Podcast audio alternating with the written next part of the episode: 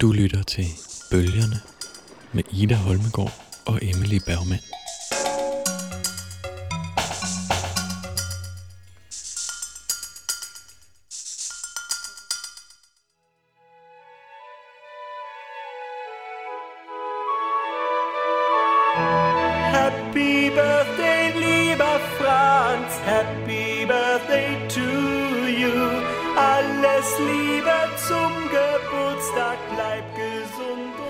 Kafka war kompliziertes, weiß man. Franz Kafka. Franz Kafka.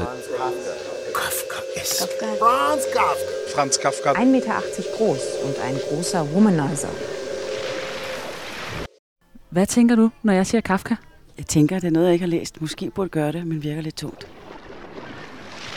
Hvad tænker du, når jeg siger Kafka? Jamen, jeg tænker, at øh, for mange år siden har jeg læst en del af Kafka. Jeg har læst tysk. Det har været en naturlig del af, og selvfølgelig også at læse Kafka. Så jeg husker allermest processen, som jeg synes var helt fantastisk, fordi det sådan giver... Jamen, den var... Det var svært at fortælle, hvad den handler om, men det var bare en fantastisk oplevelse at befinde sig i et andet univers.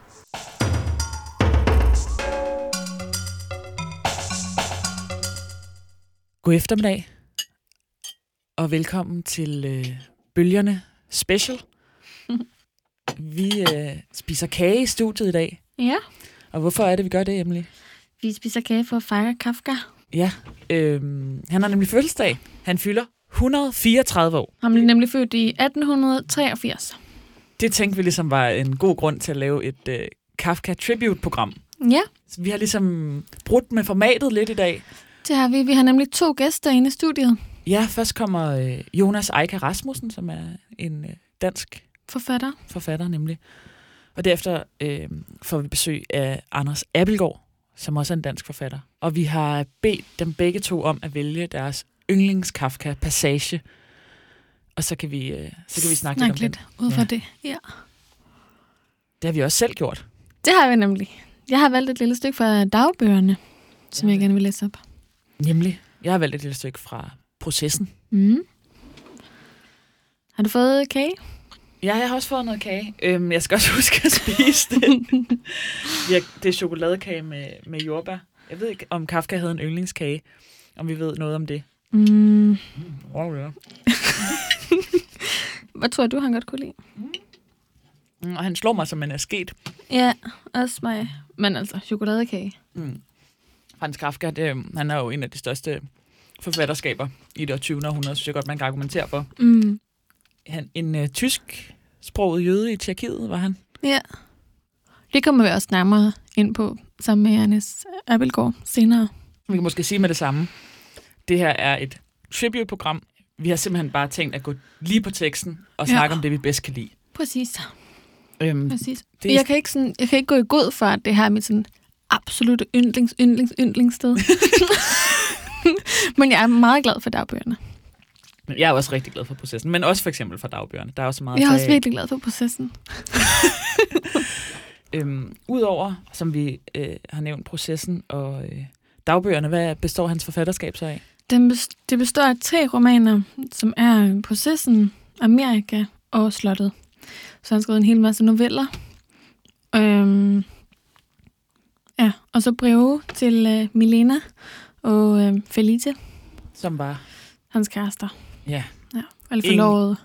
ingen af dem bliver en gift med. Nej. Det kommer vi også til at høre lidt mere om i det uddrag, jeg har valgt at tage med. Ja, altså, man kan jo sige, Kafka, der, der er jo mange ting, der ikke, hvis man skal nævne en lille smule om hans biografi, der var mange ting, han ikke var så tilfreds med, skråstreg, som gik så godt. Det var ikke et særlig nemt liv. Altså, det var heller ikke så meget af det, han skrev, der blev udgivet i hans levetid. Nej, altså det er vel udkommet posthum, de fleste af romanerne og novellerne. Ja, og han var meget imod, at det skulle udkomme. Det er hans, hans ven Max Brød, der har udgivet det efter hans død. Han havde en udtalt modvilje. Han var imod, at det skulle udkomme. Han tror også til og med, at han havde udtalt, at det skulle brændes. Ja. Altså, så gider, så vil man virkelig ikke, at nogen skal læse det ikke engang i smug. Nej. Men samtidig, mm, så brændte han det jo ikke. Det var han måske alligevel for forfængelig til. Mm.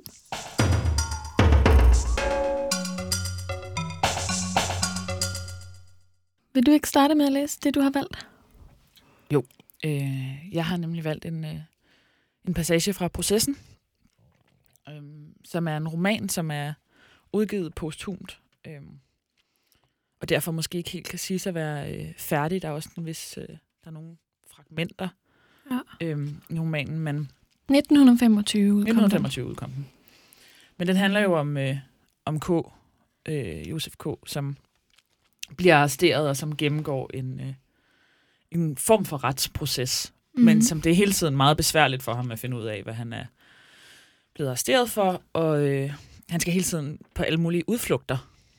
Øhm, Han blev indkaldt til ja, så mange mærkelige møder, og Jeg har haft samtaler med forskellige øh, mennesker, men det her øh, stykke, som jeg har valgt at læse, er fra cirka midten af bogen, og det handler øh, faktisk ikke så meget om K, øh, men om embedsmændene og advokaterne øh, på et af de her retskontorer. det er ikke så ofte, man hører om dem. Nej, ikke så tæt på, men de er alligevel øh, meget, meget præsente sådan, Ja. øh, i udkanten, kan man sige, af synsfeltet. Ja. Øhm, der står her. Alle embedsmænd var irriterede, selv når de så rolige ud. Naturligvis må de små advokater i særlig grad lide under dette. Man fortæller for eksempel følgende historie, som i høj grad virker sandfærdig. En gammel embedsmand, en god, stille herre, havde en dag og en nat uafbrudt studeret en vanskelig retssag, som især var blevet indviklet gennem advokatens indlæg. Disse embedsmænd er virkelig flittige som ingen andre. Hen ad morgen nu, efter 24 timers sandsynligvis ikke særlig udbytterigt arbejde, gik han hen til indgangsdøren, stillede sig i baghold der og smed en hver advokat, som ville gå ind, ned ad trappen. Advokaterne forsamlede sig nedenfor på trappeafsatsen og rådslog om, hvad de skulle gøre. På den ene side har de ikke nogen egentlig krav på at blive lukket ind, kan derfor retsligt næppe foretage sig noget mod embedsmanden og må, som allerede nævnt, også tage sig i agt for at hisse embedsstanden op imod sig. På den anden side er i midlertid hver dag, de ikke tilbringer ved retten, tabt for dem, og det var dem altså meget om at gøre at trænge ind. Til sidst enedes de om, at de ville køre den gamle herre træt. Gang efter gang blev en advokat sendt afsted, som løb op ad trappen, og derpå, under den størst mulige, rigtig nok passive modstand, lod sig smide ned, hvor han så blev opfanget af kollegaerne. Det varede cirka en time, så blev den gamle herre, han var jo også allerede udmattet af natarbejde, virkelig træt og gik tilbage på sit kontor. De dernede ved til at begynde med slet ikke tro det, og sendte først en op, som skulle se efter bag døren, om der virkelig var tomt. Så først drog de ind og turde sandsynligvis ikke engang gøre vrøvl.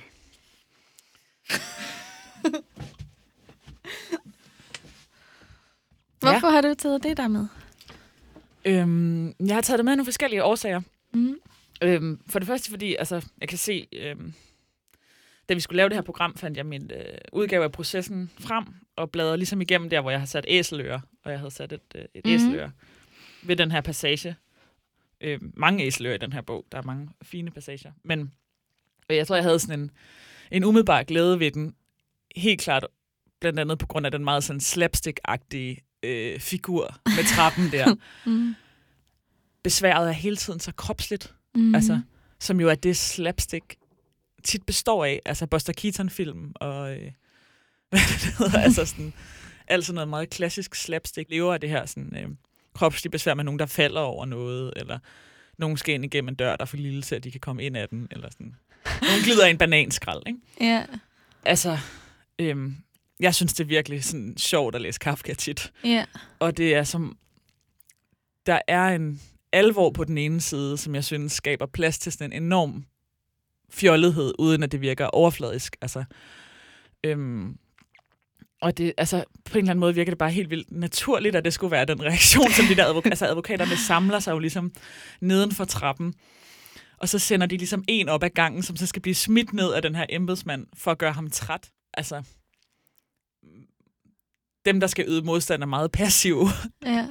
Øhm, hvis man skal kunne gøre en modstand, så er det ligesom bare ved at lade sin tunge krop blive kastet rundt. Øhm, det, er sådan, det synes jeg er helt vildt sjovt.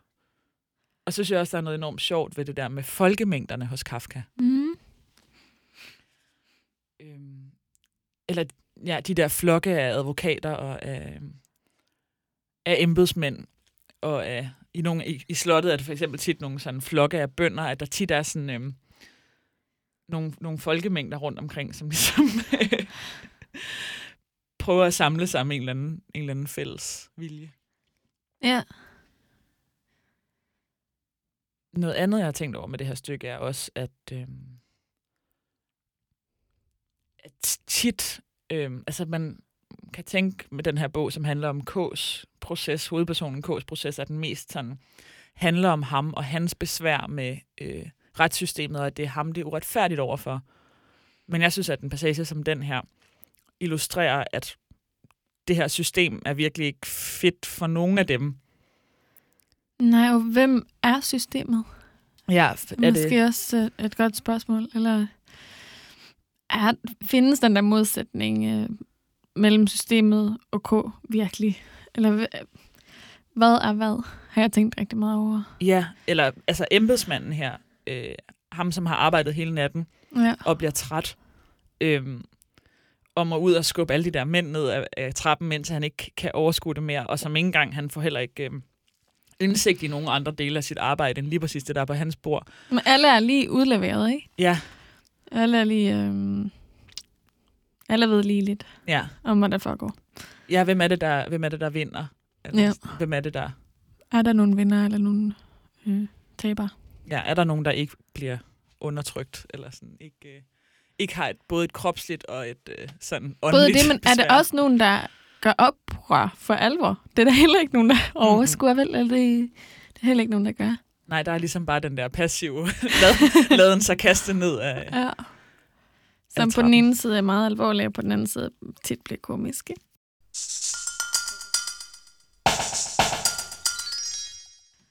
Emily, har du også taget noget øh, Kafka med i dag, som vi kan læse? Jeg har taget øh, lidt øh, fra dagbøgerne med. Jeg har været meget glad for at læse øh, dagbøgerne. Så må vi bare se, hvor, hvor illustrativt det bliver for det, jeg kommer til at sige bagefter. Det er jeg ikke sikker på. Jeg, jeg læser lidt op. Jeg læser lidt øh, rundt omkring fra 7. og 8. hæfte. Hvis F, altså Felicia, hvis F nærer samme modvilje mod mig som jeg, er et ægteskab umuligt en prins skal gifte sig med Tørne Rose, og det er værre, men Tørne Rose kan ikke være en prins. En ung mand rider på en flot hest ud af porten til en villa. Sidder i stuen hos mine forældre, bladrer de tidsskrifter i to timer, af og til bare set hen for mig, stort set bare ventet på, at den blev 10, og jeg kan gå i seng. Alt i alt ikke tilbragt meget anderledes. Hele tiden forestillingen om en bred slagterkniv, der skyndsomt og med mekanisk regelmæssighed jager en af mig fra siden og skærer ganske tynde tværsnit, som næsten sammenrullede flyver af, takket vare det, det hurtige arbejde. En tidlig morgen, gaderne var endnu tomme, hvidt og bredt, åbnede en mand. Han var barfodet og kun iført natskjorte og bukser. Porten i en stor beboelsesejendom i hovedgaden. Han holdt begge dørfløje fast og trak vejret dybt. Du jammer, du forbandede jammer, sagde han og så til syneladende roligt først hen ad gaden, så hen over enkelte huse. Fortvivlelse, altså også herfra. Ingen sted optagelse. Et fordøjelse, to neurasteni, tre udslet, fire indre usikkerhed. Hvis den dog blandede sig i et hoved uden spænding – spacertur med pik. Overmod, fordi jeg syntes, der Heitzer var så vellykket. I aften læste jeg kapitlet højt for mine forældre. Der findes ikke bedre kritikere end min far, som yderst modvilligt lyttede til mig under oplæsningen. Mange flade steder for åbenbart utilgængelige dybder. De indre fordele, som middelmodige litterære arbejde drager, er, at deres forfattere endnu er i live, og efter dem forældelsens ikke enlige mening.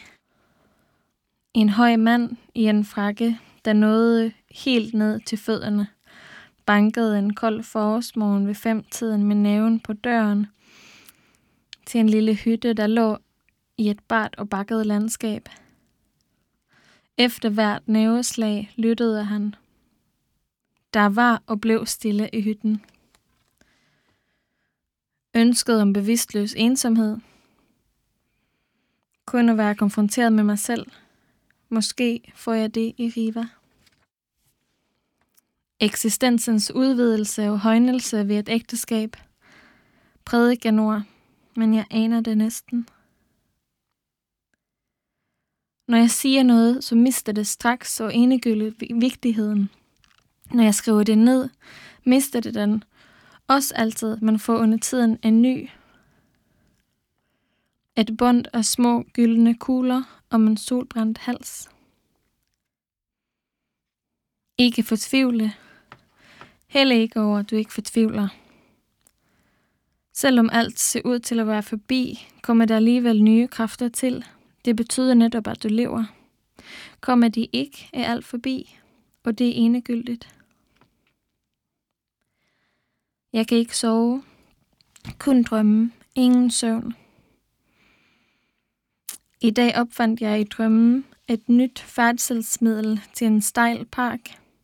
Man tager en gren, som ikke behøver at være ret stærk, stemmer den skråt mod jorden.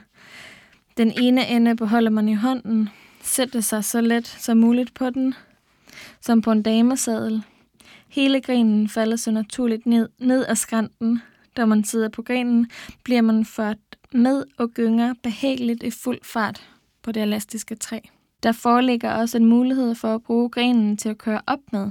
Hovedfordelen, bortset fra hele anordningens enkelhed, ligger i, at grenen, tynd og bevægelig som den er, den kan jo også sænkes og hæves efter behov, kan komme igennem overalt, hvor selv et menneske alene vil have svært ved at komme igennem. Spændende. Nu læste jeg som sagt bare lidt, uh, lidt rundt omkring i, uh, i den her del af dagbøgerne. Du synes egentlig også godt, man kan tillade sig Mm. øhm, med dem. Alt er jo ligesom blandet sammen, og det handler jo om, om skitser og, og notater øhm, og brudstykker ligesom af, af litteratur, hvilket jeg synes er virkelig, virkelig, virkelig smukt. Altså den, den frie form, som, som findes her, Mm. hvis man så læser det ligesom med samme respekt, eller man skal sige som det færdige værker. Det kan jeg godt lide at gøre. Og jeg kan virkelig godt lide ligesom de, de selvmodsigelser, som også er i det. Altså han taler om ægteskabet rigtig mange steder her. Mm, Jeg ved ikke lige det, jeg læste op nu, men han siger et sted, at han er bange for, at ægteskabet skal komme til at forandre ham, og så siger han nogle sider senere, at det kan det selvfølgelig ikke. Intet kan forandre ham, og heller ikke det ægteskabet. Mm. Jeg synes også, at man kan se øh, i dagbøgerne, at han ligesom, altså han prøver ligesom at udrede nogle, nogle, nogle forhold i sit liv, ikke? Mm. Og, og prøver ligesom at undersøge dem, men samtidig så oplever jeg, at der er en kæmpe modvilje mod at komme til afklaring.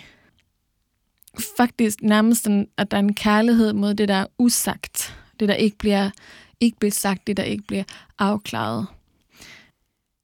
Altså for eksempel, så siger han det der med, at øh, når jeg siger noget, så mister det sin betydning, ikke? Mm. Og så, men når jeg skriver det ned, så, så får det nye betydninger, altså kommer det nye betydninger. Og det er vel sådan en ting, som jeg oplever går igen i alle Kafkas tekster, at øh, et udsagn aldrig ligesom bringer til klarhed. Det bringer bare til nye. Det tager også bare nye steder hen. Mm. Øh, det, et billede bliver til flere billeder. Øhm, og flere, flere muligheder. Altså, der er så mange indgange Kaf- til Kafkas tekster, og så få udveje. Ja. ja, jeg er meget, meget svag for den her, den her mistænksomhed over for, klarhed og, og afklaring. Selvom det ligesom, ja, er en længsel efter det, fordi det vil, det vil være nemt, hvis der fandtes, så er der også ligesom en forventning om, at klarhed altid vil være, vil være falsk. Kan du sige noget mere om, hvad du mener med klarhed? Altså, Øh, forklaring. Ja. Forklaring, mener jeg, med klarhed. Altså noget bliver forklaret, og så, så er det sådan. ja, man kan ligesom øh, komme med en uddybende. Et tilfredsstillende svar, mener jeg med klarhed. Mm. Øhm, man stiller et spørgsmål, man får et svar og stiller sig tilfreds med det. Det gør han ikke. Øhm, når han prøver at forklare noget, altså i dagbøgerne og også i de andre tekster, så løber det ligesom amok. Der åbner sig bare nye rum. Og når jeg, når jeg tænker på, på dagbøgerne i forhold til de andre bøger, som Processen og Slottet, og de noveller, som jeg har læst, som man måske umiddelbart tænker handler om en, et absurd øh, byråkrati, og det er et enormt besvær ved at, at komme igennem systemer, hvis man tænker på det eksempel, som du kom med der, med advokaterne, ikke? Ja. At det, øh, ja, det er også det der sådan fantastiske besvær, der er ved alt.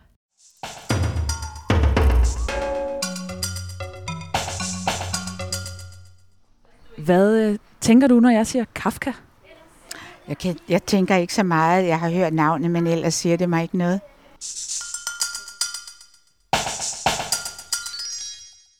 Velkommen, Jonas Eiker. Tak. Du er kommet for at fejre Kafkas fødselsdag sammen med os. Ja, tak for indbydelsen. Så dejligt, du kunne komme. Øh, Vi har faktisk gået på forfatterskolen sammen. Ja. Du har gået der fra 13 til 15. Og det var også i 15, du udgav din debutbog, Lavet huset Marie. Ja, det er korrekt. Ja. Har du fået kage? Jeg har fået kage, og tak. Ida, Ja. Værsgo. Mange tak. Endnu mere kage. Har du også taget noget Kafka med, Jonas? Det har jeg også. Ja, sådan en halvlang novelle. I straffekolonien hedder den. I straffekolonien. Ja. Som jeg tror, at Kafka skrev den i, i 14 eller sådan noget, mens han var i gang med at skrive processen. Mm. Øhm, og så, jeg kan ikke huske, hvor jeg læste det, men der var ikke papir nok til, at den kunne udgives, så han sad stadig og arbejdede på den Altså, fire hun- år efter. Han havde ikke selv, eller... Jamen, jeg tror, der var Forlaget. rationeringer. Nå, for Okay. helvede. Øhm, Det er også på- så typisk problem, virker det til. ja, Stakkels Kafka. At der er altid et forud, uforudset øh, problem ja. lige om hjørnet. Vil du ikke øh, fortælle lidt, hvad der sker i novellen, som genfortæller den lidt? Jo, jeg skal prøve. Øhm, altså, den handler om øh, en forskningsrejsende, Mm. som har fået en indbydelse til den her øh, straffekoloni, hvor han skal overvære en øh, henrettelse. Og han, øh, og så foregår hele novellen, ligesom i den her dal, hvor det her henrettelsesapparat står. Og der er en officer, som er vel nærmest forelsket i det her apparat, og som forklarer ham, hvordan det fungerer. Og så er den dømte til stede, og der er en soldat til stede. Okay. Øhm, og så forløber det meste af novellen egentlig med, at øh, officeren forklarer, hvordan det her fungerer. Mm. Øhm, og der er nogle, nogle små afbrydelser ved, at den dømte og soldaten fjoller lidt rundt. Og, øh, og man finder ligesom ud af i løbet af fortællingen, at, at, øh, at den rejsende her er blevet indbudt af en, øh, den nye kommandant, som vist nok er imod det her henrettelsesapparat. Øh, og officeren har sådan, ender med at have sådan virkelig øh, opkørt øh, opfordring til at, til, at, til, at den rejsende skal, skal forsvare ham mod den nye kommandant. Øh, og da han ikke vil det, så, øh, så siger øh, officeren, jamen okay, så, så ved vi, der, hvad der må ske, og så ligger han sig selv, altså så befrier han den dømte, og lægger sig selv ind i det her apparat, som så falder fra hinanden. Okay. Øh, det er sådan meget hurtigt, Mm. meget hurtigt. Meget sørgeligt. Ja, Som det ofte er, vil jeg sige, ja. i Kafka-fortællinger. Ja, ja der er helt klart det, det der sådan øh, uafvendelige, Mm. øh, at fortællingen synes at styre et bestemt sted hen på en eller anden måde. Ja. Selvom at den dømte så ligesom øh, bliver befriet, ikke? Øh, altså det virker som om, at der sker en eller anden form for retfærdighed, fordi den forskningsrejsende siger, nej, det her kan jeg ikke være med til. Øh, men beslutningen af novellen er det alligevel som om, der ikke rigtig er noget, der er ændret. Øh, det kan vi måske komme ind på. Ja. Men hele novellen slutter med den her scene, hvor et, den forskningsrejsende så skynder sig sådan at flygte fra den her straffekoloni, og så kommer den dømte løbende efter ham og vil springe over i båden. Og så tager han sådan et ræb med nogle knuder på og forsvarer, forsvarer ligesom den der båd. Ja, som, som også er at forsvare grænsen til det menneskelige på en eller anden måde. Mm, det, spændende. øh, det skal vi Det prøve at få gjort lidt mere håndgribeligt undervejs. Forhåbentlig.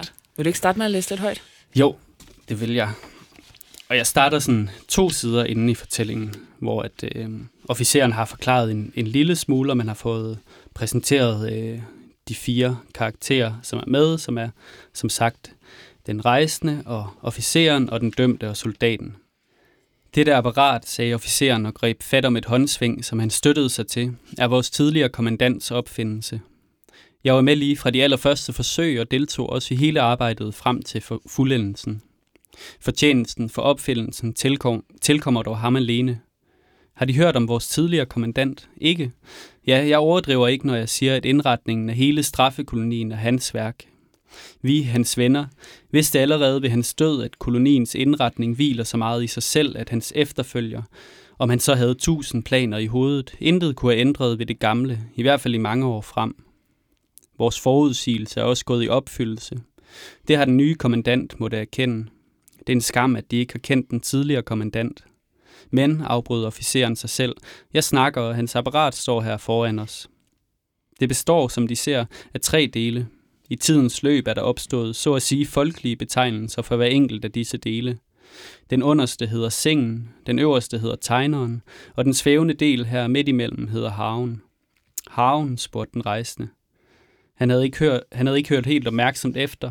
Solen brændte alt for stærkt i den skyggeløse dal. Det var vanskeligt at samle tankerne. Så meget desto mere beundringsværdig fandt han officeren, der i den stramme, parademæssige soldaterjakke, der var tynget med pauletter og behængt med snore, så ivrigt forklarede sin sag, og mens han talte, oven i købet hister her spændte en skrue med skruetrækkeren. Soldaten syntes at være i en forfatning, der svarede til den rejsendes. Han havde viklet den dømte lænke om begge håndled, støttede sig med den ene hånd til sit gevær, lod hovedet hænge på halsen og interesserede sig ikke for noget. Den rejsende undrede sig ikke over det, for officeren talte fransk, og fransk forstod sikkert hverken soldaten eller den dømte. Så meget desto mere påfaldende var det i midlertid, at den dømte alligevel bestræbte sig på at følge officerens forklaringer. Med en slags søvnig vedholdenhed rettede han hele tiden blikket derhen, hvor officeren netop pegede, og da denne nu blev afbrudt af den rejsende spørgsmål, kiggede også han, ligesom officeren, på den rejsende. Ja, Havn, sagde officeren, navnet passer. Nålen er ordnet harveagtigt, og det hele bliver også bevæget som en harve, bare på et sted og langt mere kunstfærdigt. Det vil de i øvrigt straks kunne forstå. Her på sengen bliver den dømte lagt. Jeg vil nemlig begynde med at beskrive apparatet, og så først derefter lade proceduren udføre. Så vil de bedre kunne følge den. Desuden er der et tandhjul i tegneren, der er slidt helt ned. Det viner meget højt, når det kører. Så kan man næsten ikke gøre sig forståelig. Reservedele er desværre vanskelige at opdrive her. Altså, her er sengen, som jeg sagde. Den er helt dækket af et lag vat. Formålet med den vil de få at vide. På dette vat bliver den dømte lagt på maven, nøgen naturligvis. Her er der remme til hænderne, her til fødderne, her til halsen, så han kan spændes fast. Her ved hovedgæret af sengen, hvor manden, som jeg sagde, først ligger med ansigtet nedad, er der denne lille filtstum, der let kan reguleres, så den trækker lige ind i munden på manden. Dens formål er at hindre skrigen og sønderbidning af tungen. Selvfølgelig er manden nødt til at tage imod filmen, for ellers brækker halsrammen halsen på ham. Er det vat, spurgte den rejsende og bøjede sig frem.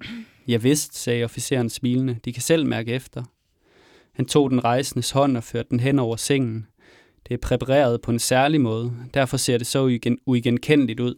Jeg kommer tilbage til formålet med det.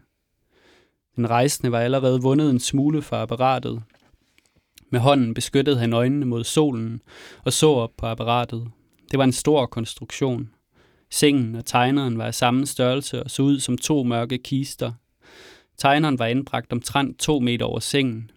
I hjørnerne var de forbundet af fire messingstænger, som næsten kastede stråler i solen. Mellem kisterne svævede haven på et stålbånd. Officeren havde knap nok bemærket den rejsendes tidligere ligegyldighed, men han havde alligevel sans for hans begyndende interesse. Han stoppede, derfor, han stoppede derfor sine forklaringer for at give den rejsende tid til uforstyrret betragtning. Den dømte efterlignede den rejsende. Da han ikke kunne skygge for, med hånden for øjnene, kiggede han opad og missede med de utildækkede øjne. Nu ligger manden der altså, sagde den rejsende, lænede sig tilbage i stolen og lagde benene over kors. Ja, sagde officeren, skubbede kasketten lidt tilbage i nakken og strøg sig med hånden over det opkogte ansigt. Nu skal de høre. Såvel sengen som tegneren her der eget elektriske batteri. Sengen bruger det til sig selv, tegneren til haven. Så snart manden er spændt fast, bliver sengen sat i bevægelse. Den sidrer i bitte små, meget hurtige ryg på en gang til siderne og op og ned. De har nok set lignende apparater på sindssyge anstalter. Blot er alle bevægelserne beregnet præcist hos vores seng. De er nemlig nødt til at være pinligt afstemt med havens bevægelser. Det er til denne hav, at vi har overladt den egentlige udførelse af dommen. Så springer jeg lige et lille stykke, mens officeren forklarer, at den dømte får skrevet det bud, som han har overtrådt med haven på kroppen. Denne dømte eksempelvis, officeren pegede på manden, vil på sin krop få skrevet, ære dine forsatte. Den rejsende så flygtigt hen på manden. Han holdt, da officeren pegede på ham, hovedet sænket og syntes at anspænde alle hørelsens kræfter for at opfatte noget. Men bevægelserne i hans svulmende, sammenpressede læber viste tydeligt, at han ingenting kunne forstå. Den rejsende ville have spurgt om forskellige ting, men ved synet af manden spurgte han kun, kender han sin dom? Nej, sagde officeren og ville straks gå videre med sine forklaringer, men den rejsende afbrød ham. Han kender ikke sin egen dom. Nej, sagde officeren igen. Gik så i stå et øjeblik, som, han, som om han af den rejsende forlangte en nærmere begrundelse for spørgsmålet, og sagde så, det vil være nyttesløst at forkynde den for ham. Han erfarer den jo på sin krop. Ja, stopper jeg der. Tak, Jonas. Selv tak. Ja, tak for oplæsningen. Det var meget, øh, altså, meget sindrig øh, forklaring af den her maskine. Bestemt. Kunne du tænke dig at fortælle lidt mere om, hvorfor du har taget øh, den her tekst med? Ja, øh, jeg, jeg, altså, jeg, jeg tænkte en del over, hvad jeg skulle tage med. Ikke? Der er Mm. også meget forskelligt. Øh, men jeg tror, ja, det gik op for mig, at jeg nok altid har læst Kafka sådan ret politisk. Og det er, det er den her tekst bare en ret god indgang til. Øh, På hvilken måde mener du politisk? Ja, men altså jeg tænker, at mange af Kafkas fortællinger handler om, altså handler om, hvem der er, øh, ja, hvem der er inden for og uden for fællesskabet på en eller anden måde. Mm. Synes jeg sådan, at det grund, grundlæggende spørgsmål i, for eksempel i, i, i, i straffekolonien her.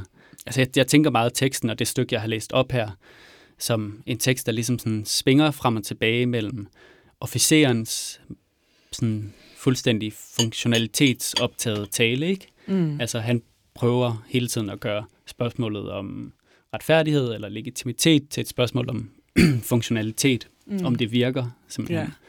Og det siger det også meget tydeligt. Nu vil jeg forklare apparatet for dig, og så kan du se, hvordan det foregår. Ikke? Så det er også virkelig sådan, det er også helt fremme i teksten, kan man sige. Ikke? Så det er, øh, det er ligesom det ene, men det forsøg bliver hele tiden afbrudt, eller gang på gang bliver det afbrudt af, af, af, af den dømte, som sådan, altså han fylder egentlig ikke så meget i teksten. Han er der bare øh, som den her sådan sprogløse væsen, der følger med rundt. Ikke følger, altså Ja. gang på gang bliver det sagt, at han følger med i officerens øh, forklaring. Men for ham giver det selvfølgelig ikke mening, eller noget lignende. lignende Nej, det, står der han taler også et andet sprog, ikke? Ja. At de, at soldaten og, øh, og Ja. den dømte har ligesom, taler ikke fransk. Præcis. Altså, ja. Så det er meget det er tydeligt. også rigtig træls. Ja. Så det er, det er meget tydeligt, ikke, hvordan de er udelukket fra den her sådan meningsfulde sproglige omgang Mm. med apparatet og med loven i det hele taget, tror jeg også. Ved man, øh, hvad de er dømt for? Ja, altså ham her, han er dømt for at have sovet på sin øh, vagt. Mm. Men faktisk så virker det også, han er, som om han er dømt øh, for at prøve at sådan træde lidt ud af den rolle, han er blevet givet. Det bliver beskrevet, at han, øh, ja, han ligger og sover, og så kommer, kommer den kaptajn, eller hvad det er, Mm. øh, som han er tjener for, han kommer ud, og så ser han, at han sover og begynder at piske ham i ansigtet. Og så øh, den dømte, han så sådan, griber fat om hans ben og siger, smid pisken, eller jeg æder dig. Øh, så han er ligesom altså, et dyr, ikke? Altså, Mm. når han bliver pisket, og ikke, ikke helt et menneske. Øhm, og så taler han alligevel, altså, så taler han som det dyr, han ligesom er blevet konstitueret som. Og det er det hele beskrivelsen af, af hans øh, lovovertrædelse slutter med. Så Mm. på en eller anden måde virker det som om, at, at hans, øh, hans forbrydelse også, er, ja, også består i det. Jeg tænkte på, om du vil fortælle lidt mere om det her, du sagde, da vi øh, startede med, at, øh, at officeren virker sådan forelsket i den her maskine. Ja, Det synes jeg er meget øh, tydeligt, når man læser teksten. Altså for eksempel det her med, at maskinen, der ligger sådan et lag af vat, og så skal den rejsende og, øhm, og officeren ligesom hen og røre lidt og, og klappe lidt på det der vat, og mærke sådan, ja, det er rigtigt. Så det, er sådan, det er et særligt præpareret materiale, og altså, det, det kommer til at virke ekstremt øh, hengivent og Ja, fascineret. ja og, øh,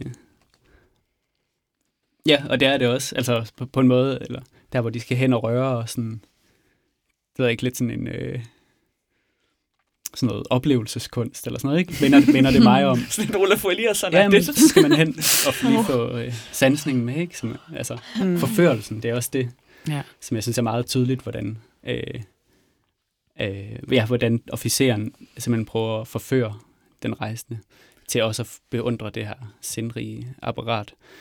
Øh, Jeg tænker også øh, med det her apparat, at der, jeg tit i Kafka, synes jeg, læser en længsel efter sådan at øh, skabe fysiske manifestationer af sådan sociale og juridiske love. mm, På en eller anden måde, at det Mm. ligesom kommer meget stærkt til udtryk i et fysisk rum, eller som et fysisk besvær, de her love. Og jeg, synes, jeg tænker at lidt den her officers forelskelse i maskinen, og det, at han på en måde ikke kan leve videre uden maskinen, mm, som sådan, øhm, altså at han også elsker det her med, at loven ligesom er blevet en ting. Altså, eller at, så alle de regler, som han opretholder, dem kan man også, de er ligesom blevet manifesteret i den her ting, man kan pusse, og sådan, den juridiske maskine er ligesom blevet, den kan man holde ved lige ved sådan, at hælde olie på, og ja, hælde vand på, og sådan noget. ja. Ja, men he, ja, helt klart. Altså, det tænker jeg også, at måske man bare ja, kunne starte med at snakke om, hvad det er for et øh, apparat, det der, ikke? Altså, mm. Øhm, og jeg tænker det nemlig også som en, en slags manifestation af sådan et juridisk, politisk forhold, hvor at nogen, nogen kan være fuldstændig underlagt loven, men samtidig fuldstændig udelukket fra, øh, fra beslutningsprocesserne, fra de politiske processer, Mm. og udelukket, udelukket fra sproget. Da vi havde valgt nogle Kafka-tekster øhm, og tale om, så talte vi blandt andet om bipersonen, eller Ida gjorde, hvor vi snakkede om, at øh, alle faktisk på en måde er udsatte i, i Kafka-fortællinger. Mm. Oplever du, at nogle af karaktererne faktisk er trygge, eller ligesom er en del af systemet, og som virkelig er på systemets side, og som, ja, som systemet gør trygge? Øh, ja, ja, altså jeg, tænk, jeg tænker, at der, den måde, det tit er på, er, at dem, der, øh, altså, dem, der har magten eller øh, kan træffe beslutninger, øh, de, de er tit ligesom tilbagetrukket, ikke? Altså, de er ikke tilgængelige. Nej. Så det er i det her tilfælde den nye kommandant, som man får at vide, skal holde det her møde med øh, nogle andre højtstående embedsfolk. Øh, altså, så, så der findes, altså de, men de findes kun antydet, ikke? Så officeren, selvom han virker til at være den, der er ovenpå og i, i kontrol, øh, så er han også den, der lige pludselig kan blive udsat. Altså jeg tænker også, det er derfor, at da han finder ud af, eller da den forskningsrejsende siger, nej, jeg vil ikke støtte dig, jeg, vil ikke være, jeg kan ikke sige, at øh, jeg går ind for det her, så må det ligesom nødvendigvis være ham, der, øh, der bliver henrettet, ikke? Så, så ja, han er, øh, altså, og det tænker jeg har at gøre med, hvordan magten fungerer på det her sted. Ja. Selvom det kun er antydet, at der findes, øh, altså, at der findes nogen, der kan træffe den beslutning. Og så tror jeg også, det har at gøre med, at han er fuldstændig et med sin funktion, Mm. øh, som også er en meget gennemgående ting Ja, i mange Kafka-tekster, ikke? at der er der fuldstændig sammenfald. Så hvis apparatet øh, falder fra hinanden eller bliver afskaffet, så bliver han det også.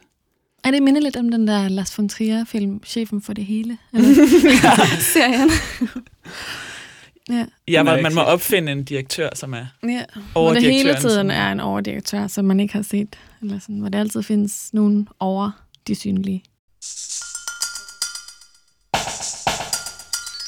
Nu talte du en del om, øh, at der var nogle karakterer, der ligesom var inden for sproget, og nogle karakterer, der var udenfor.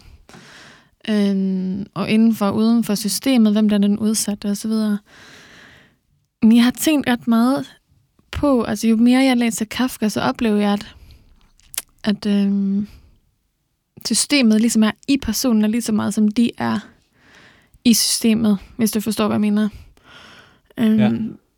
Har du nogen noget at sige om det, eller nogen kommentarer til det? Oplever du ligesom, at det, den der modsætning altid er der, eller at der også ligesom er en, øh, et sammenfald?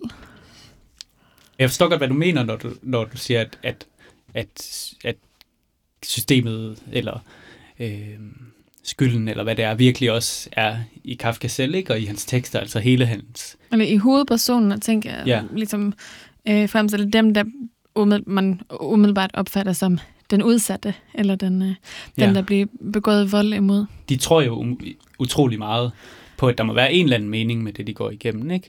Altså, tænker så, Tænk- det er jamen, det, ligesom det første, man, man undrer sig over, når man begynder at læse Kafka, Mm. er vel også det her, hvorfor gør de ikke oprør? Mm. Øh, hvorfor skrider de ikke? Ja. Øhm, Så ud på Ja. landet og, ja, hvorfor? og bygger en hytte. Præcis. Og, men jeg tænker meget, at for eksempel i en bog som Processen, at, at den på en eller anden måde også... Øh, altså jo, den, det virker som om det hele er afgjort fra starten af. Øh, men på en, på en eller anden måde, så synes jeg også, den viser, hvordan det er, øh, hvordan det er, at hovedpersonen bliver skyldig undervejs. Ikke? Altså det, at han bliver anklaget, sætter gang i den her selvrensagelsesproces, hvor han gang på gang tænker, hvad det kunne være, ikke? Øh, hvad kunne det være, han havde gjort forkert?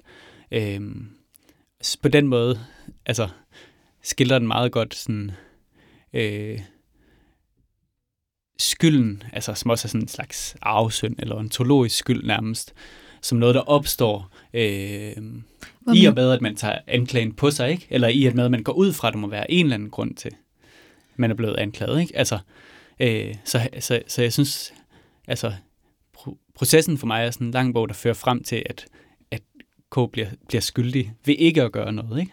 Altså, det bliver meget tydeligt, hvordan han bliver, bliver skyldig ved ikke at handle, ved at Ja. spørge sig selv, hvordan han må kunne være skyldig. Vil du sige, hvad du mener med ontologisk skyld? Øh, jamen, altså en, en slags arvesynd. Altså, jeg synes, der er mange sådan... Øh, altså, øh,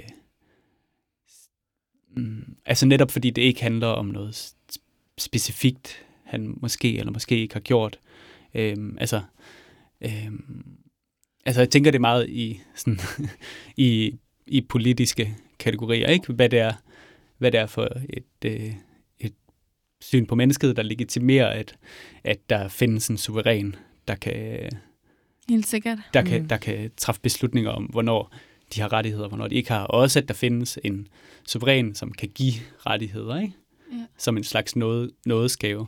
Og det tænker jeg hænger sammen med, at altså, den magt må være legitimeret af, at man går ud fra, at der er en eller anden grundlæggende skyld Ja. i mennesket. Altså det er ikke fordi, at det er en religiøs skyld, men den, den kommer derfra, ikke? Og så er den morfet ind til et eller andet andet. Ligesom den sådan nærmest transcendente, øh, sådan totalt guddommeligt tilbagetrukket magt, som dem på slottet har, øh, også er sådan en, en, en morfet guddommelig magt. Det er virkelig sjovt, fordi jeg, læ- jeg, jeg læste processen som ret ung og var meget betaget af den, og så, så øh, genlæste jeg den for lidt siden. Og det, det var sjovt, fordi jeg huskede det, som om K ligesom tog livet af sig selv til sidst. Altså, som om det var ham selv, der, Ja. der øhm, hvad hedder det, sådan skar Ja. sig selv ihjel med Ja. ja. der svær og sådan noget. Og så blev jeg bare forbavset over, at det var, det var, ligesom, det var noget, der blev gjort mod ham. Ja, Jeg husker det, som om han gjorde det mod sig selv. Men bare apropos øhm, det her spørgsmål om systemet ligesom også eksisterer inde i K for eksempel, eller inde i den rejsende, eller inde i, øhm, inde i øh, den enkelte, så tænker jeg også, at det er ret... Øhm, hvad er det, der hedder? Det, er noget af det sidste, der står der, hvor han ligesom stikker, eller dør øh, i, Ja. i processen øh, til sidst, at der står det her, det var som om skammen ville overleve ham. Ja. Mm. Øhm, som jeg, hvor jeg tænker, at den måde, som systemet tit, synes jeg, lever inde i, øh, i karaktererne, er også via den her skamfølelse, som er meget social og meget betinget af sådan en konkret situation. Altså, man kan aldrig ligesom adskille øh, den juridiske skyld og dommen fra sådan en social skam og følelse Mm. af at have lavet nogle lokale overtrædelser, altså have sagt noget forkert, eller ikke at have opdaget, at der sad en lille underlig mand inde i hjørnet, mm. som var den allervigtigste mand, man skulle hilse på, eller at være kommet til at tale med den forkerte kvinde på en trappeafsats, eller sådan, at øh, ligesom det, ju- det juridiske og det sociale rum er sådan fuldstændig flettet ind i hinanden. ja. Mm. Nej, men helt klart, det er jo meget præcist. Mm. altså, øh, men for at vende tilbage til det, du spurgte om, Emily, med om, med om altså, findes der en modposition Ja. på en eller anden måde? Altså, øh, altså på en måde, så gør der ikke. Det virker ikke, som om der er noget udenfor. Eller det virker ikke, som om der er noget i karaktererne, der peger et andet sted hen, eller kunne gøre oprør, eller bare kunne tænke, nu går jeg. Mm. Øhm, altså, så, så på den måde tænker jeg, at, at Kafka er politisk ved at være, øhm, ved at ligesom vise øh, resultaterne på en eller anden måde. Altså sådan yderste konsekvens af de processer, som, som han ligesom gerne vil bekæmpe. Altså, så det er også derfor, eller i sidste ende bliver det måske et vildt svært spørgsmål, altså hvor er, øh, hvor er gnidningen, eller hvor peger det et andet sted hen? Ja. Øhm, jeg ved ikke, om det er det, du, det, du tænker på, men øh, Jeg synes, det, gi- det giver god mening. Altså, øhm, ja, jeg synes bare, det var spændende, da du sagde med indenfor og udenfor, fordi jeg selv, selv har tænkt meget over det. Hvis der var et indenfor og et udenfor, hvis det giver mening at tænke på den måde. Men det behøver jo heller ikke at være nogen modsætning, at det kan være på begge måder. Men altså i hvert fald i, altså i, lige netop i, i straffekolonien, der er den rejsende Ja. egentlig ret sikker, ikke? Altså, han har adgang til at tale med om de politiske processer. Vi får at vide, at han skal nok være med til det der møde, der skal være i morgen. Øhm, og han kan også bare tage derfra. Mm. Øhm, altså, han er måske en af de få karakterer, som står øh, ja, sådan ret sikkert uden for det hele. Og måske også derfor den, der i sidste ende ender med at vogte grænsen ikke? Til, øh, til det menneskelige. Altså ender med at øh, holde, den, holde den dømte væk fra sin, fra sin båd, der, da han er på vej afsted.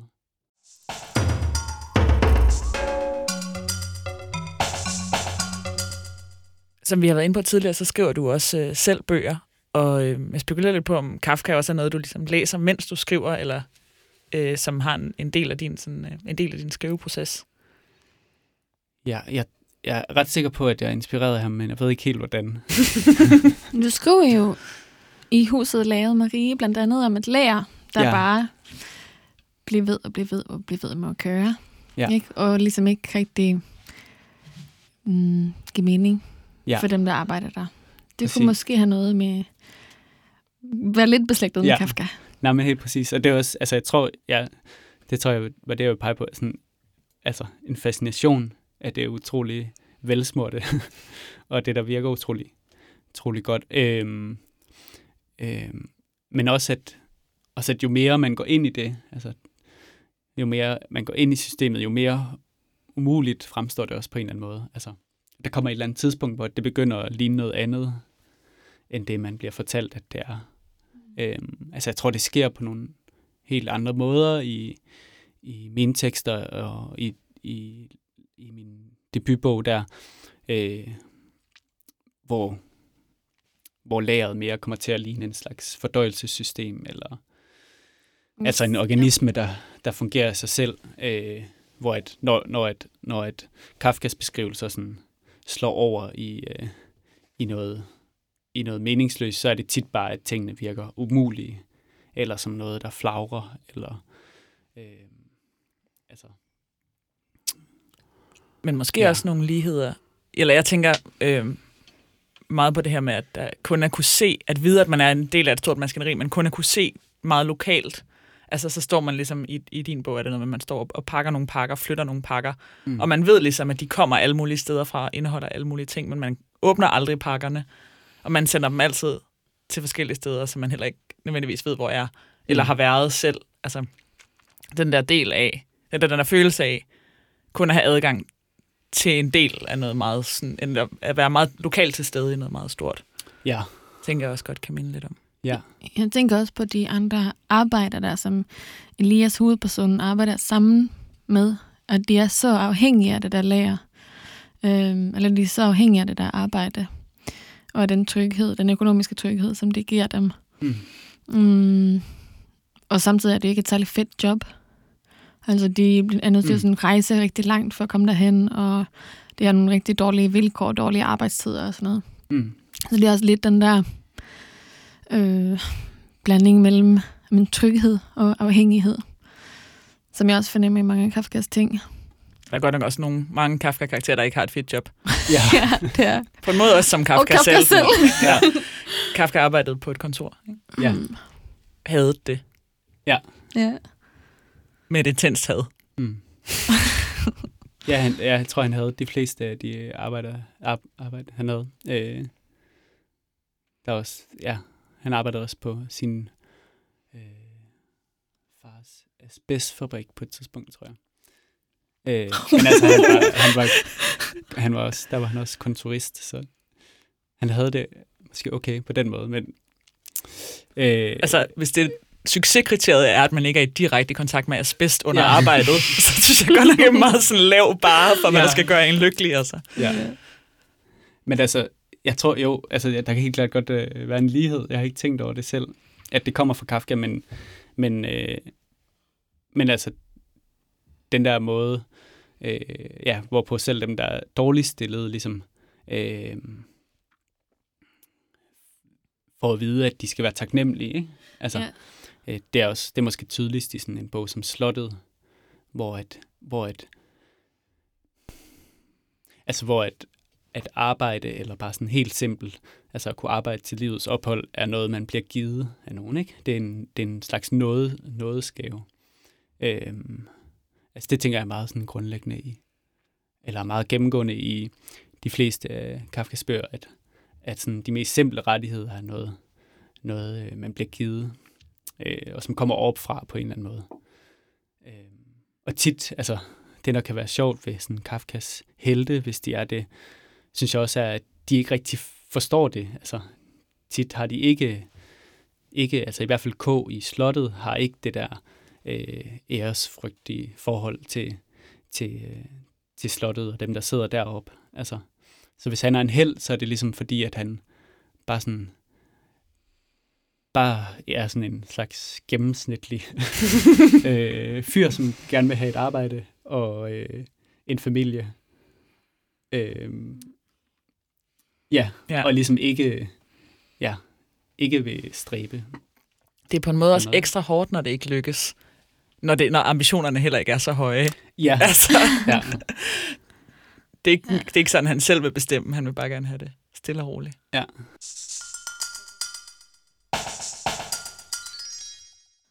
Men altså, må jeg, det, må jeg slutte af med et, et lille bitte oplæsning? Ja, hvad vil du gerne læse op? Fordi jeg synes bare, det handler om de ting, vi sad og snakkede om. Helt sikkert. Skal vi, nu skal, vi, øh, skal jeg sige noget, for eksempel, du har taget en anden tekst med os, ved jeg. Agtigt. Ja, jeg kan også sige det selv. Det ja, du. okay, nej, sig det selv. Gør den af. Øh, jeg har taget øh, modstandens æstetik af, af Peter Weiss med. Jeg ved ikke, om I kender den, men den handler Jeg har ikke læst den. Har du i det? Nej, den har jeg faktisk heller ikke læst. Den handler om øh, tre øh, øh, unge øh, mænd, tre venner, øh, som kommer fra arbejderklassen og kæmper sådan en, en klassekamp og en antifascistisk kamp i øh, sådan start 30'ernes Tyskland. Og så snakker de utrolig meget om kunst og litteratur og prøver sådan hele tiden at aktualisere det i deres kamp. Mm. Og meget sådan, hvad kan det bruges til, ikke? Det er spørgsmålet hele tiden. Og så er der netop et tidspunkt, hvor et hovedpersonen snakker, han har lige læst Slottet, øh, og så snakker han om den her. Så der kommer sådan en lille læsning, som jeg også synes handler om nogle af de ting, vi har snakket om her. Som selvfølgelig er en helt anden historisk øh, kontekst, ikke? Men, men nu prøver jeg bare lige at læse det op. Vi kunne forholde forfatteren, altså Kafka, at han ikke med større bestemthed havde sagt, hvem der levede i dette slot, hvem det var, der plejede sin fuldkommenhed der. Vi kunne kritisere ham for, at han hyldede vores behersker i et mystisk, næsten religiøst mørke. At han ikke blot lagde slottets indre og ikke viste forberedelserne til at styrte det. Disse indvendinger, som jeg nu kunne huske, at jeg havde hørt før, var bare betydningsløse, for det princip, han beskrev, var indsigtsfuldt nok, og kaldte netop ved fremstillingsmådens konsekvens en endnu stærkere indre deltagelse frem. Slottet var jo lurvet, lurvet brystfældigt gammeldags. Der var intet imponerende ved det. Det havde ingen befæstninger. Det ville egentlig være let at indtage, og embedsmændene var, når de endelig viste sig svagelige, forgrammede, skrøbelige mennesker.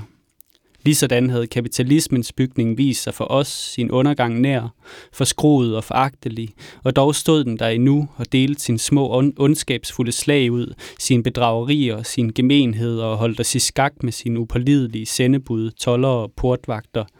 I realismedebatten var Kafka blevet affærdiget som dekadent. men dermed havde man lukket sig for hans forhøjet virkelighedsbillede, hvor i manglen på oprør, den emsige kredsen om ubetydeligheder, det skrækindjagende fravær af indsigter, stillede os over for spørgsmålet om, hvorfor vi da selv stadig ikke havde grebet ind en gang, for en gang for alle at fjerne alle misforholdene. Det, der stod at læse i Kafkas bog, hensatte mig ikke i håbløshed. Det gjorde mig beskæmmet. øhm, Ja, hvorfor har man ikke selv gjort oprør? det er det. Ja, men det er på en eller anden måde det, der er altså, spørgsmålet ikke, eller jeg synes, i løbet, altså, i løbet af en bog som Processen eller Slottet, bliver, øhm, hvad skal man sige, valget egentlig tydeligt som et valg, der skal træffes, ikke? Mm. Altså, øhm, og det er måske ikke dem, altså det er måske ikke dem, som er øh, allermest udsatte eller i den allermest umulige situation. Altså, det tror jeg mere er rettet mod, øh, ja, mod dem, der kigger på på en eller anden måde.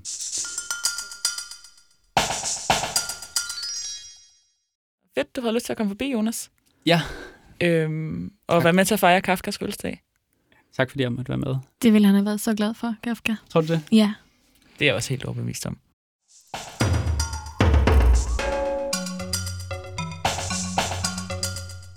Hvis jeg siger Kafka, hvad siger du så? Så siger jeg en klassiker og øh, absurditet og øh, dekonstruktion. Har du læst meget Kafka selv?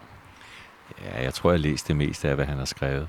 Øh, og af det har jeg fundet ud af, at jeg næsten bedst kan lide de helt korte historier. Øh, de helt absurd korte, som man får en hel historie på 10 linjer.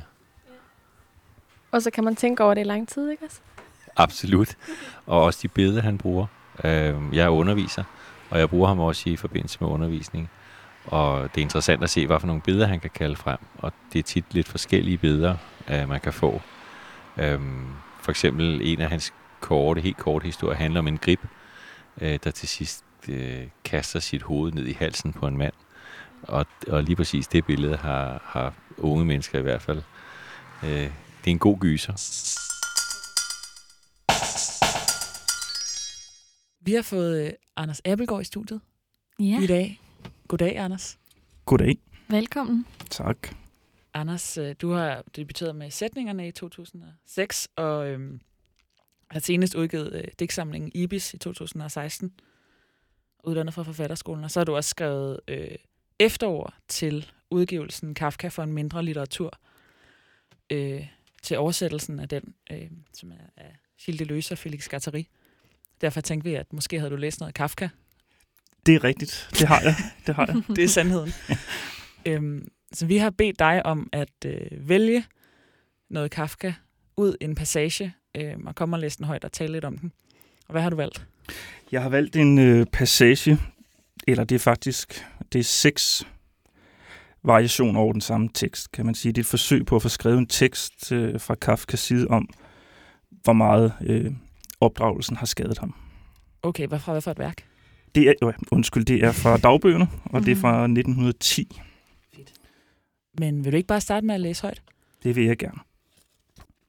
Og jeg skal måske sige, at det helt præcis er fra den 19. juni. Nej, det ved man jo med dagbøger. Ja, og det er 1910, og det starter med, at der bare står sovet, vågnet, sovet, vågnet, elendigt liv. Perfekt start. Det er alt, hvad man behøver at vide. Og så begynder øh, de her seks tekststykker så bagefter. Når jeg tænker over det, må jeg sige, at min opdragelse i mange hensener har skadet mig meget. Jeg er jo ikke opdraget et afsides sted, måske i en ruin i bjergene. Det kunne jeg jo ikke sige et eneste bebrejdende ord imod. Med far for, at hele rækken af mine gamle lærer ikke kan forstå dette. Jeg ville gerne og allerhelst have været den lille ruinbeboer, afsvedet af solen, som fra alle sider ville have skinnet på den lune eføj mellem murbrokkerne, selvom jeg i begyndelsen ville have været svag under trykket af mine gode egenskaber, der ville være vokset op i mig med ukrudtets magt. Når jeg tænker over det, må jeg sige, at min opdragelse i mange henseender har skadet mig meget. Denne bebrejdelse rammer en lang række mennesker, nemlig mine forældre, nogle slægtninge, Enkelte besøgende i vores hus, forskellige forfattere, en ganske bestemt kokkepige, der i et helt år bragte mig i skole, en flok lærere, som jeg i min erindring må klemme tæt sammen, ellers glemmer jeg en her og der. Men da jeg nu har stået dem sådan sammen, smuldrer det hele alligevel sine steder.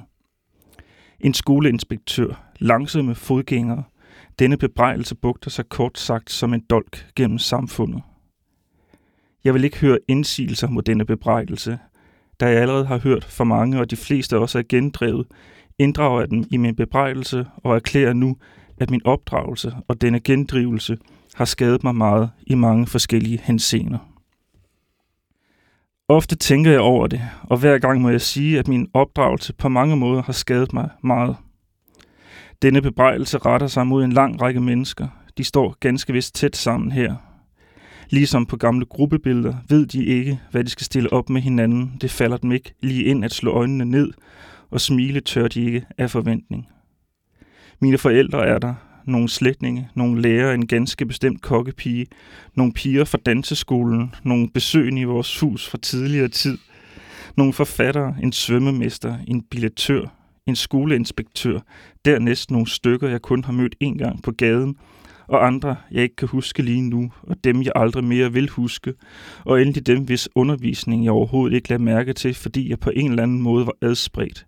Der er kort sagt så mange, at man skal passe på ikke at nævne nogen to gange. Over for dem alle udtaler jeg min bebrejdelse. Jeg gør den på denne måde bekendt med hinanden, men tåler ingen indsigelser. For jeg har virkelig, for jeg har virkelig allerede tålt tilstrækkeligt mange indsigelser, og da de fleste er blevet gendrevet, kan jeg ikke andet end også inddrage disse gendrivelser i min bebrejdelse og sige, at disse gendrivelser, foruden min opdragelse, også har skadet mig på mange måder. Ofte tænker jeg over det at lade tankerne få frit løb, uden at blande mig af noget. Og hvordan jeg end vender og drejer det, kommer jeg altid til den konklusion, at min opdragelse på mange måder har skadet mig forfærdeligt. Denne erkendelse rummer en bebrejdelse, der retter sig mod en lang række mennesker. Der er mine forældre, ligesom mine slægtninge, en ganske bestemt kokkepige, lærerne, nogle forfattere, familie i vennekredsen, en svømmemester, indfødte på sommerferiestederne, nogle damer i parken, som slet ikke så sådan ud, en frisør, en tækkende kvinde, en styrmand, huslægen og mange andre. Og der var endnu flere, hvis jeg ville og kunne nævne dem alle ved navn. Der er kort sagt så mange, at man skal passe på i det mylder, ikke at nævne nogen to gange. Nu kunne man mene, at en bebrejdelse ville miste styrke allerede på grund af det store antal og simpelthen måtte miste styrke, for en bebrejdelse er ikke en feltherre, den går bare lige ud og forstår ikke at fordele sig. Ikke mindst i dette tilfælde, hvor den rettes mod fortidige personer. Med en glemt energi kan disse personer måske fastholdes i erindringen, men et gulv har de næppe under sig mere, og selv deres ben vil allerede være røg. Og mennesker i den tilstand skal man nu med et eller andet udbytte bebrejde fejl, de begik en gang i tidligere tid under opdragelsen af en dreng, der nu er lige så ubegribelig for dem, som de er for os. Men man får dem jo ikke engang til at huske de tider. De kan ikke huske noget, og trænger man ind på dem, skubber de en tavs til side. Intet menneske kan tvinge, kan tvinge dem til det, men man kan åbenbart slet ikke tale om at tvinge, for de hører højst sandsynligt slet ikke ordene. Ofte tænker jeg over det og lader tankerne få frit løb, uden at blande mig i noget, men hver gang kommer jeg til den konklusion, at min opdragelse har ødelagt mig mere, end jeg selv kan forstå. I det ydre er jeg et menneske som andre, for min læmelige opdragelse holdt sig til det sædvanlige, ligesom min krop var sædvanlig. Og selvom jeg er lille og lidt tyk, er der dog mange, der kan lide mig, også piger. Det er der ikke noget at sige om. Her for nylig var der en pige, der sagde noget meget fornuftigt. Åh, gid jeg dog kunne se dem nøgne en gang, så må de virkelig være smuk og lige til at kysse, sagde hun. Men om jeg så manglede overlæben her, øret der, et ribben her, en finger der, hvis jeg havde bare pletter på hovedet og kopper i ansigtet, ville det ikke være en fyldesgørende pendant til min indre ufuldkommenhed.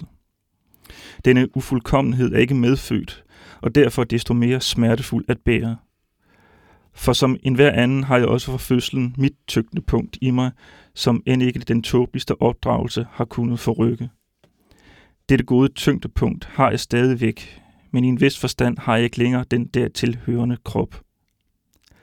og et tyngdepunkt, der ikke har noget at lave, bliver til bly og sidder i kroppen som en geværkugle.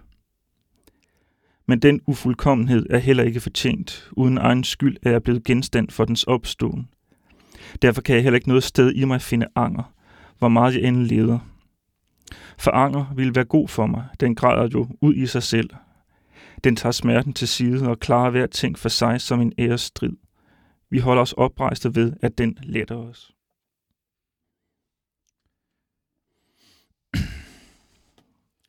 Jeg tænker ofte over det og lader tankerne få frit løb, uden at blande mig i det.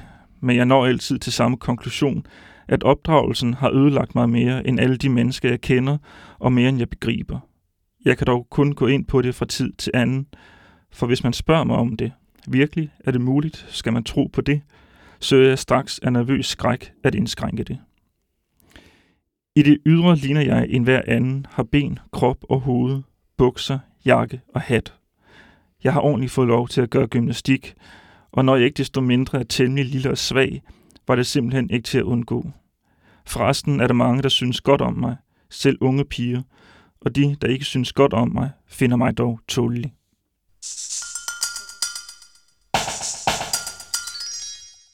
Tak for oplæsningen, Anders. Vil du måske sige nogle ord om, hvorfor du har valgt det her stykke? jeg kan prøve i hvert fald. Altså,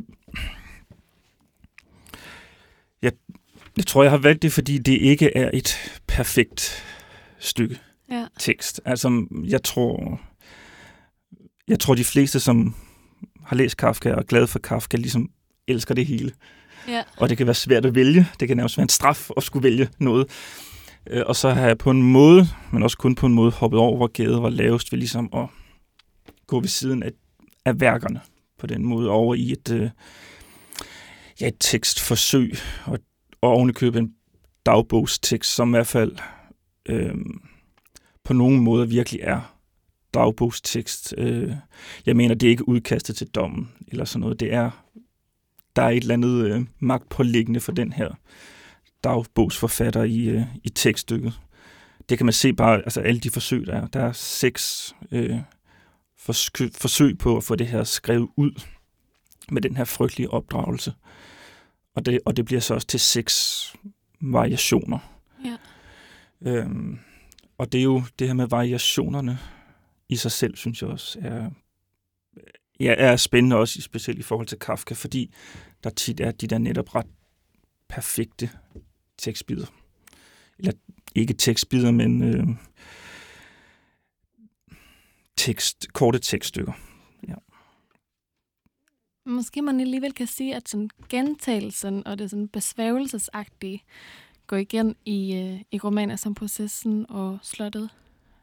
Og ja. det er ligesom evighedsbilledet, der danner sig. Det kunne man måske godt sige. Øhm, jeg tror mere, at jeg ser det i forhold til de værker, du nævnte, hvor altså det, der senere er blevet skrevet ret meget om, altså de her forsøg på flugt væk. Fra en eller anden instans, eller fra en, en eller anden form for magtinstans ofte. Hvor det, ja, flugten kan se ud på mange måder, altså pludselig er man blevet til en eller anden stor, mærkeligt øh, billelignende dyr, eller man øh, alt muligt andet, hvad Kafka nu kan finde på, er, er flugt væk fra problemerne, ja. eller flugt væk, så synes jeg faktisk, at den her dagbogstekst er lidt noget andet. Der er der netop en, som ikke rigtig kan komme væk. Mm. Fordi det bliver ved med at tale om sig selv og den skade, der er blevet påført mig. Og på den måde synes jeg også, at den er lidt ukafkask. Øh, fordi der er faktisk en her, der ikke øh, kan komme væk, og der er en, som hele tiden øh, bliver holdt fast øh, af den der skade. Og der er en, der ikke via stil, kunne man måske sige, mm kan finde et nyt sted at tale fra. Der bliver hele tiden tvunget til at skulle tale om sig selv. Ja. På en måde, fordi der er blevet gjort skade på, og det tror jeg er måske er noget af det mest ufri, man kan finde hos Kafka, at skulle tale om sig selv. Mm. Jeg synes tit, at det er ret øh, sjovt at læse Kafka, eller at han er sådan en ret sjov ja. forfatter, og jeg tænker, at der alligevel er noget i den her tekst, som minder mig om nogle af hans andre tekster, i forhold ja. til sådan sammenhæng mellem øh, humor og besvær, måske. At, øh, hvor det tit i romanerne er et eller andet meget fysisk besvær, så er der sådan lidt mere sådan, måske sådan lidt mere sådan et argumentbesvær i den her tekst, hvor man på den ene side har sådan nogle enormt totale udsagn, ikke? Altså, øhm, jeg tænker over det tit, og hver gang jeg tænker over det, er jeg 100% sikker på, at min opdragelse har skadet mig. mere og mere og mere i hvert forsøg, men alligevel så sådan, skal det gendrives igen og igen, ikke? Altså, Jeg har sådan trang Svært. til klarhed, måske, eller trang til perfektion. Og, og en trang til at få ret, måske Ja. også. ja, ja, absolut. Som kommer til at fremstå lidt komisk. Altså, Meget komisk, egentlig. Der er noget komisk også i den liste, som dukker op i flere af teksterne. ja, ja, men altså... Man vil, helt, man vil ikke give slip på nogen uret, der nogensinde er blevet gjort med en. Altså, selv dem, jeg ikke kan huske, dem vil jeg løfte min hånd over. Nogle og tilfældige folk på gaden, ja. som faktisk også... det var også lidt deres skyld. Ja. Ja. Folk, jeg kun har mødt én gang. Ja. Som jeg måske ikke kan huske, og næsten ikke kan huske sig selv, eller måske næsten ikke findes. Den der optagethed af skyld også. Ja, der er jo... Øh, jeg har ikke... Altså, der er jo på en vis måde nogle paralleller til det der berømte brev, han skriver til sin, til sin far. Vil du fortælle lidt om det? Ja, altså det er et, et brev, han skrev øh, til sin far, men han aldrig gav ham eller sendte til ham, men han gav det til moderen. Og øh, han havde ikke noget specielt godt forhold, hverken til faren eller til, til moren der, men øh, hun, hun har så fået det, men der er ikke noget, der tyder på, at han, faren, nogensinde har fået det. Og det er simpelthen en, et boglangt brev, hvor han øh, prøver at forklare faren faktisk, hvor meget skade han har gjort på ham. Øh, og han, øh, men det er apropos din tale om gendrivelser og det der præcise, og man nævner også altid gerne det her juridiske nærmest, med argumenterne frem og tilbage, der er hos Kafka. Så slutter han brevet af ret voldsomt på en måde ved at på en måde at lade faren komme til ord. Han skriver, hvad faren nu vil indvinde mod Kafkas egne anklager. Og på den måde tager han jo fuldstændig... Altså dels tager han magten fuldstændig fra faren, og dels smadrer han sig selv fuldstændig, fordi faren får ret, eller får en vis forstand ret, men det er så Kafkas egne ord lagt i munden på faren. Og så slutter brevet mere eller mindre. Meget politikeragtigt greb. måske, måske, ja. Måske ikke at- smadre sig selv. Men... Nej, præcis.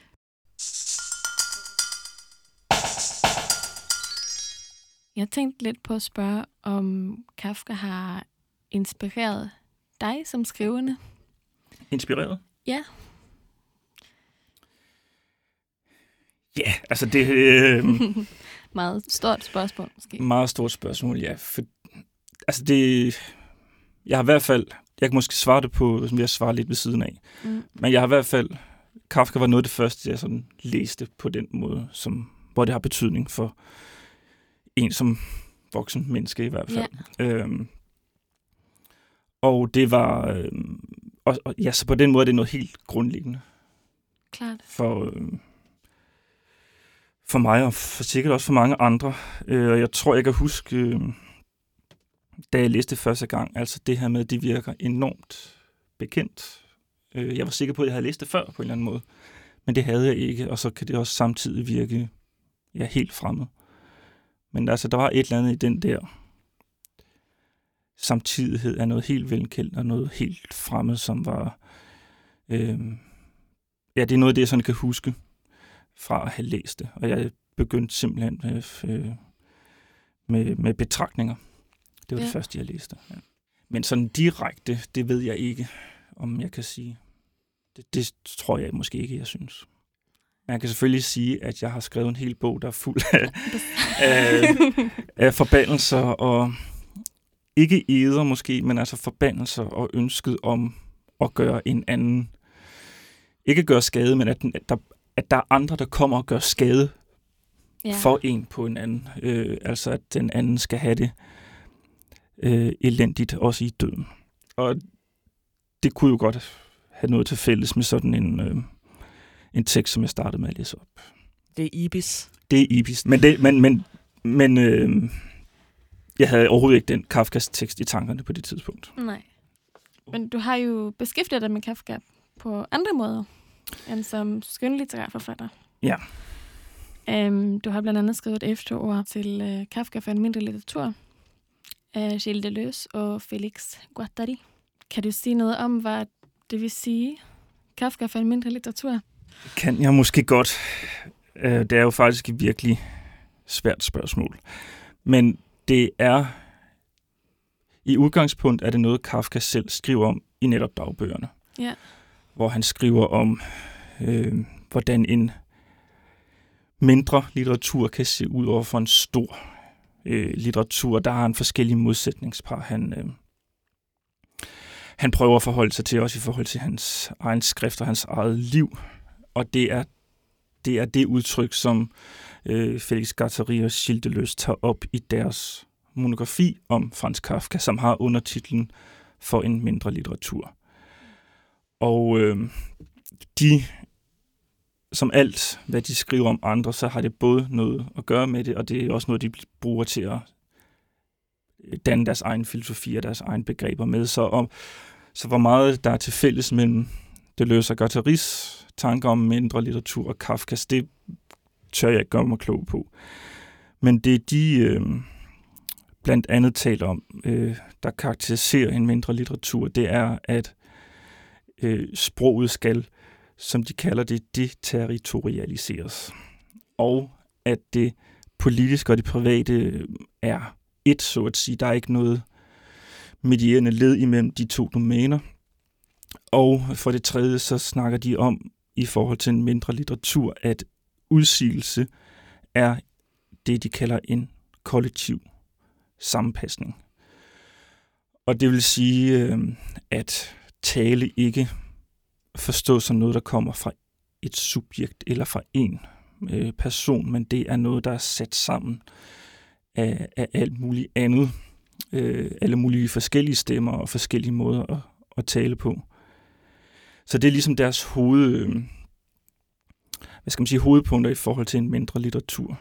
Øh, det med udsigelsen, tror jeg, er, er det, jeg synes, der er det vigtigste. Øh, Øhm, fordi den udsigelse, de har, ikke er knyttet til, at man øh, ligesom udtrykker en identitet, for eksempel. Men det er snart et spørgsmål om at skabe måske ikke en ny identitet, men så skabe muligheden for et nyt sted at tale fra, eller en ny måde at tale på. Det er den måde, de forstår udsigelse som en kollektiv sammenpasning. Mm.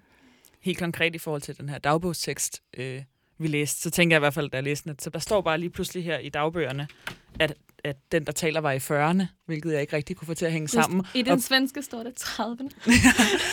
og øhm, Er det pludselig, rigtigt? at personen er lille og tyk og Ja. sådan noget, hvor man helt klart fornemmer en, altså, samtidig med, at, øh, at oversætteren har lavet noter om, hvilken konkret kokkepige der var, øh, er det som om, der også hele tiden trænger sig nogle andre træk på Ja.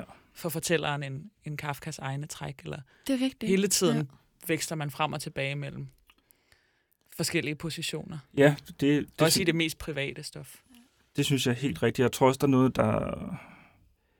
Hvis man skulle tale om øh, den mindre litteratur og for en stor litteratur i forhold til dagbogsteksten med de, med de seks varianter der, så kunne man måske også sige det sådan, at den, den store litteratur ligesom øh, bekræfter en konstant. Der er en, og, og det bekræfter det, der allerede var. Øh, og der er tale om et forhold øh, mellem sprog og verden, som består af repræsentation. Og til den mindre side, så har vi så for eksempel variationer og identiteten, der kan variere og blive udsat for variation eller øh, for, for tøven og for fejl osv. Og, og der er også en forståelse af sproget som øh, noget, der kan virke fremmed på subjektivitet, for eksempel. Ja, for eksempel, altså, måske med, at man befinder sig i et andet sprog end det, hvor... Ja. Altså, Som Kafka. Kafka Ja. skrev på tysk, men boede i Prag i Tjekkiet. ja. Og var en del af et jødisk mindretal. Det her med en mindre litteratur, tror du, at det er muligt at, at beskæftige sig med en mindre litteratur som øh, forfatter i Danmark i dag? Ja, det tror jeg godt, man kan. Øhm, og hvis jeg skulle pege på en, så kunne det være øh, Meise Aimu Bot, for eksempel. Hvor jeg vil mene, man godt kunne finde nogle af, af de her træk fra den mindre litteratur i hendes, øh, hendes bøger. I, I hvert fald i ødelæggelsen 1-11 og i øh, det, hun har kaldt øh, Over øh, os os hænger en- vidunderlig sol. Yep. Den er også lidt lang. Den er, ja, den er lidt lang. Lidt omstændig. Der, og der tror jeg i hvert fald, der er nogle af de, de træk, man kan, man kan finde i hendes skrift i de bøger, og sikkert også i de andre. Det handler om ikke at tale ud fra et bestemt subjekt, for eksempel. For eksempel, ja, altså hvis man tager øh, over os hænger en vidunderlig sol, som er sådan en art folkeskolebog, øh, hvor man hele tiden kan høre, øh, at der ikke tales kun fra et, et barns perspektiv. Det er også ligesom skolen eller folkeskolen, der, der taler. Der bliver talt i sådan nogle paragrafvendinger, og der bliver talt om 16 normalsider pludselig, og, og den slags. Øh, så man har det her sprog, som, øh, som ikke fører tilbage til, til et bestemt psykologisk, menneskeligt øh, udgangspunkt.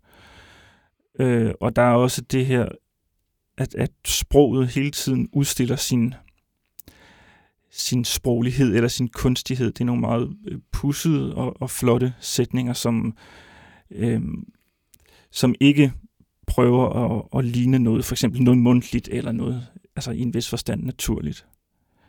Og i den bog, der er der også det med øh, det forhold, at identiteten hos øh, fortælleren, hvis det er det, øh, tit bliver sådan en slags mulighed eller et potentiale. Der, altså der er sådan en, en ellerhed over identiteten. Jeg er det her eller, det her eller det her. Ja, så kan vi det huske, at står der, at noget af det første er sådan noget med, at jeg er en, en høj ranglet elev med svedige håndflader, eller er jeg snarere lille og kvapset. Ja. Øhm, Det kan jo være svært. Jamen, så måske også minder lidt om nogle af de her dagbogsvariationer. Altså, var det skolelæreren, eller var det kokkepigen, eller var det de her lister af folk, der har gjort noget galt, de sådan skrumper og svinder hele tiden. Der bliver skabt nogle, nogle nye mulighedsrum ved at, at lægge ja, en bestemt identitet til side.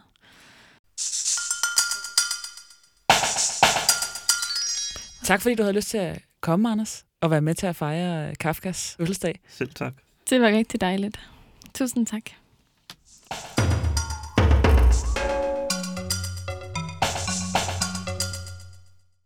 Nå. Tillykke, Kafka, endnu en gang. Tillykke, vi vil... Vi kommer at blive ved med at læse dine bøger. Ja, vi bliver ved med at være evige fans. Og ja, det bliver vi. Jeg vil øh, tak til, øh, til Jonas og Anders, som kom. Tak til dig, Ida. Tak til dig, Elias. til lytterne derhjemme, der måske har undret sig over, hvorfor Anders Appelgaard ikke fik noget kage. Så kan vi øh, afsløre, at det var faktisk, fordi vi snød og optog hans del øh, på en anden dag. Nej, det er fordi, at sådan er reglerne. det er fordi, hans, hans navn begynder med A. Ja. Ja, og den første person. Ja, og det ville måske... I alfabet. Al- alfabetet får bare ikke. Han får bare ikke noget kage. Ja. Nej. Øh, måske, men ja. Nej, hvad var det, du ville sige? At det skulle næsten, hvis det skulle have været en rigtig øh, en regel, der mindede mere om en Kafka-regel, skulle mm. det have været mere en kompliceret regel, sådan noget med, at hans forbogstav er A. Og det Mm. havde selvfølgelig kunne lade sig gøre, hvis det andet bogstav ikke havde været et N, og der ikke kun havde, Nå ja, og det ikke klart. øh, også var efternavnet, der Men startede hans, med ja, A. præcis. Hans efternavn startede nemlig også med, med, også med A. Ja, Det gik ikke. det gik ikke nogen kage til Anders. Nej.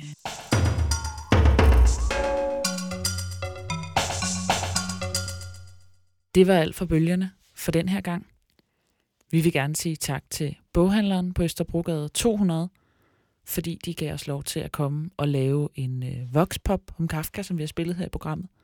Og så vil vi også gerne sige tak til Nordisk Kulturfond for støtte til programmet. Og tak til jer, fordi I lyttede med.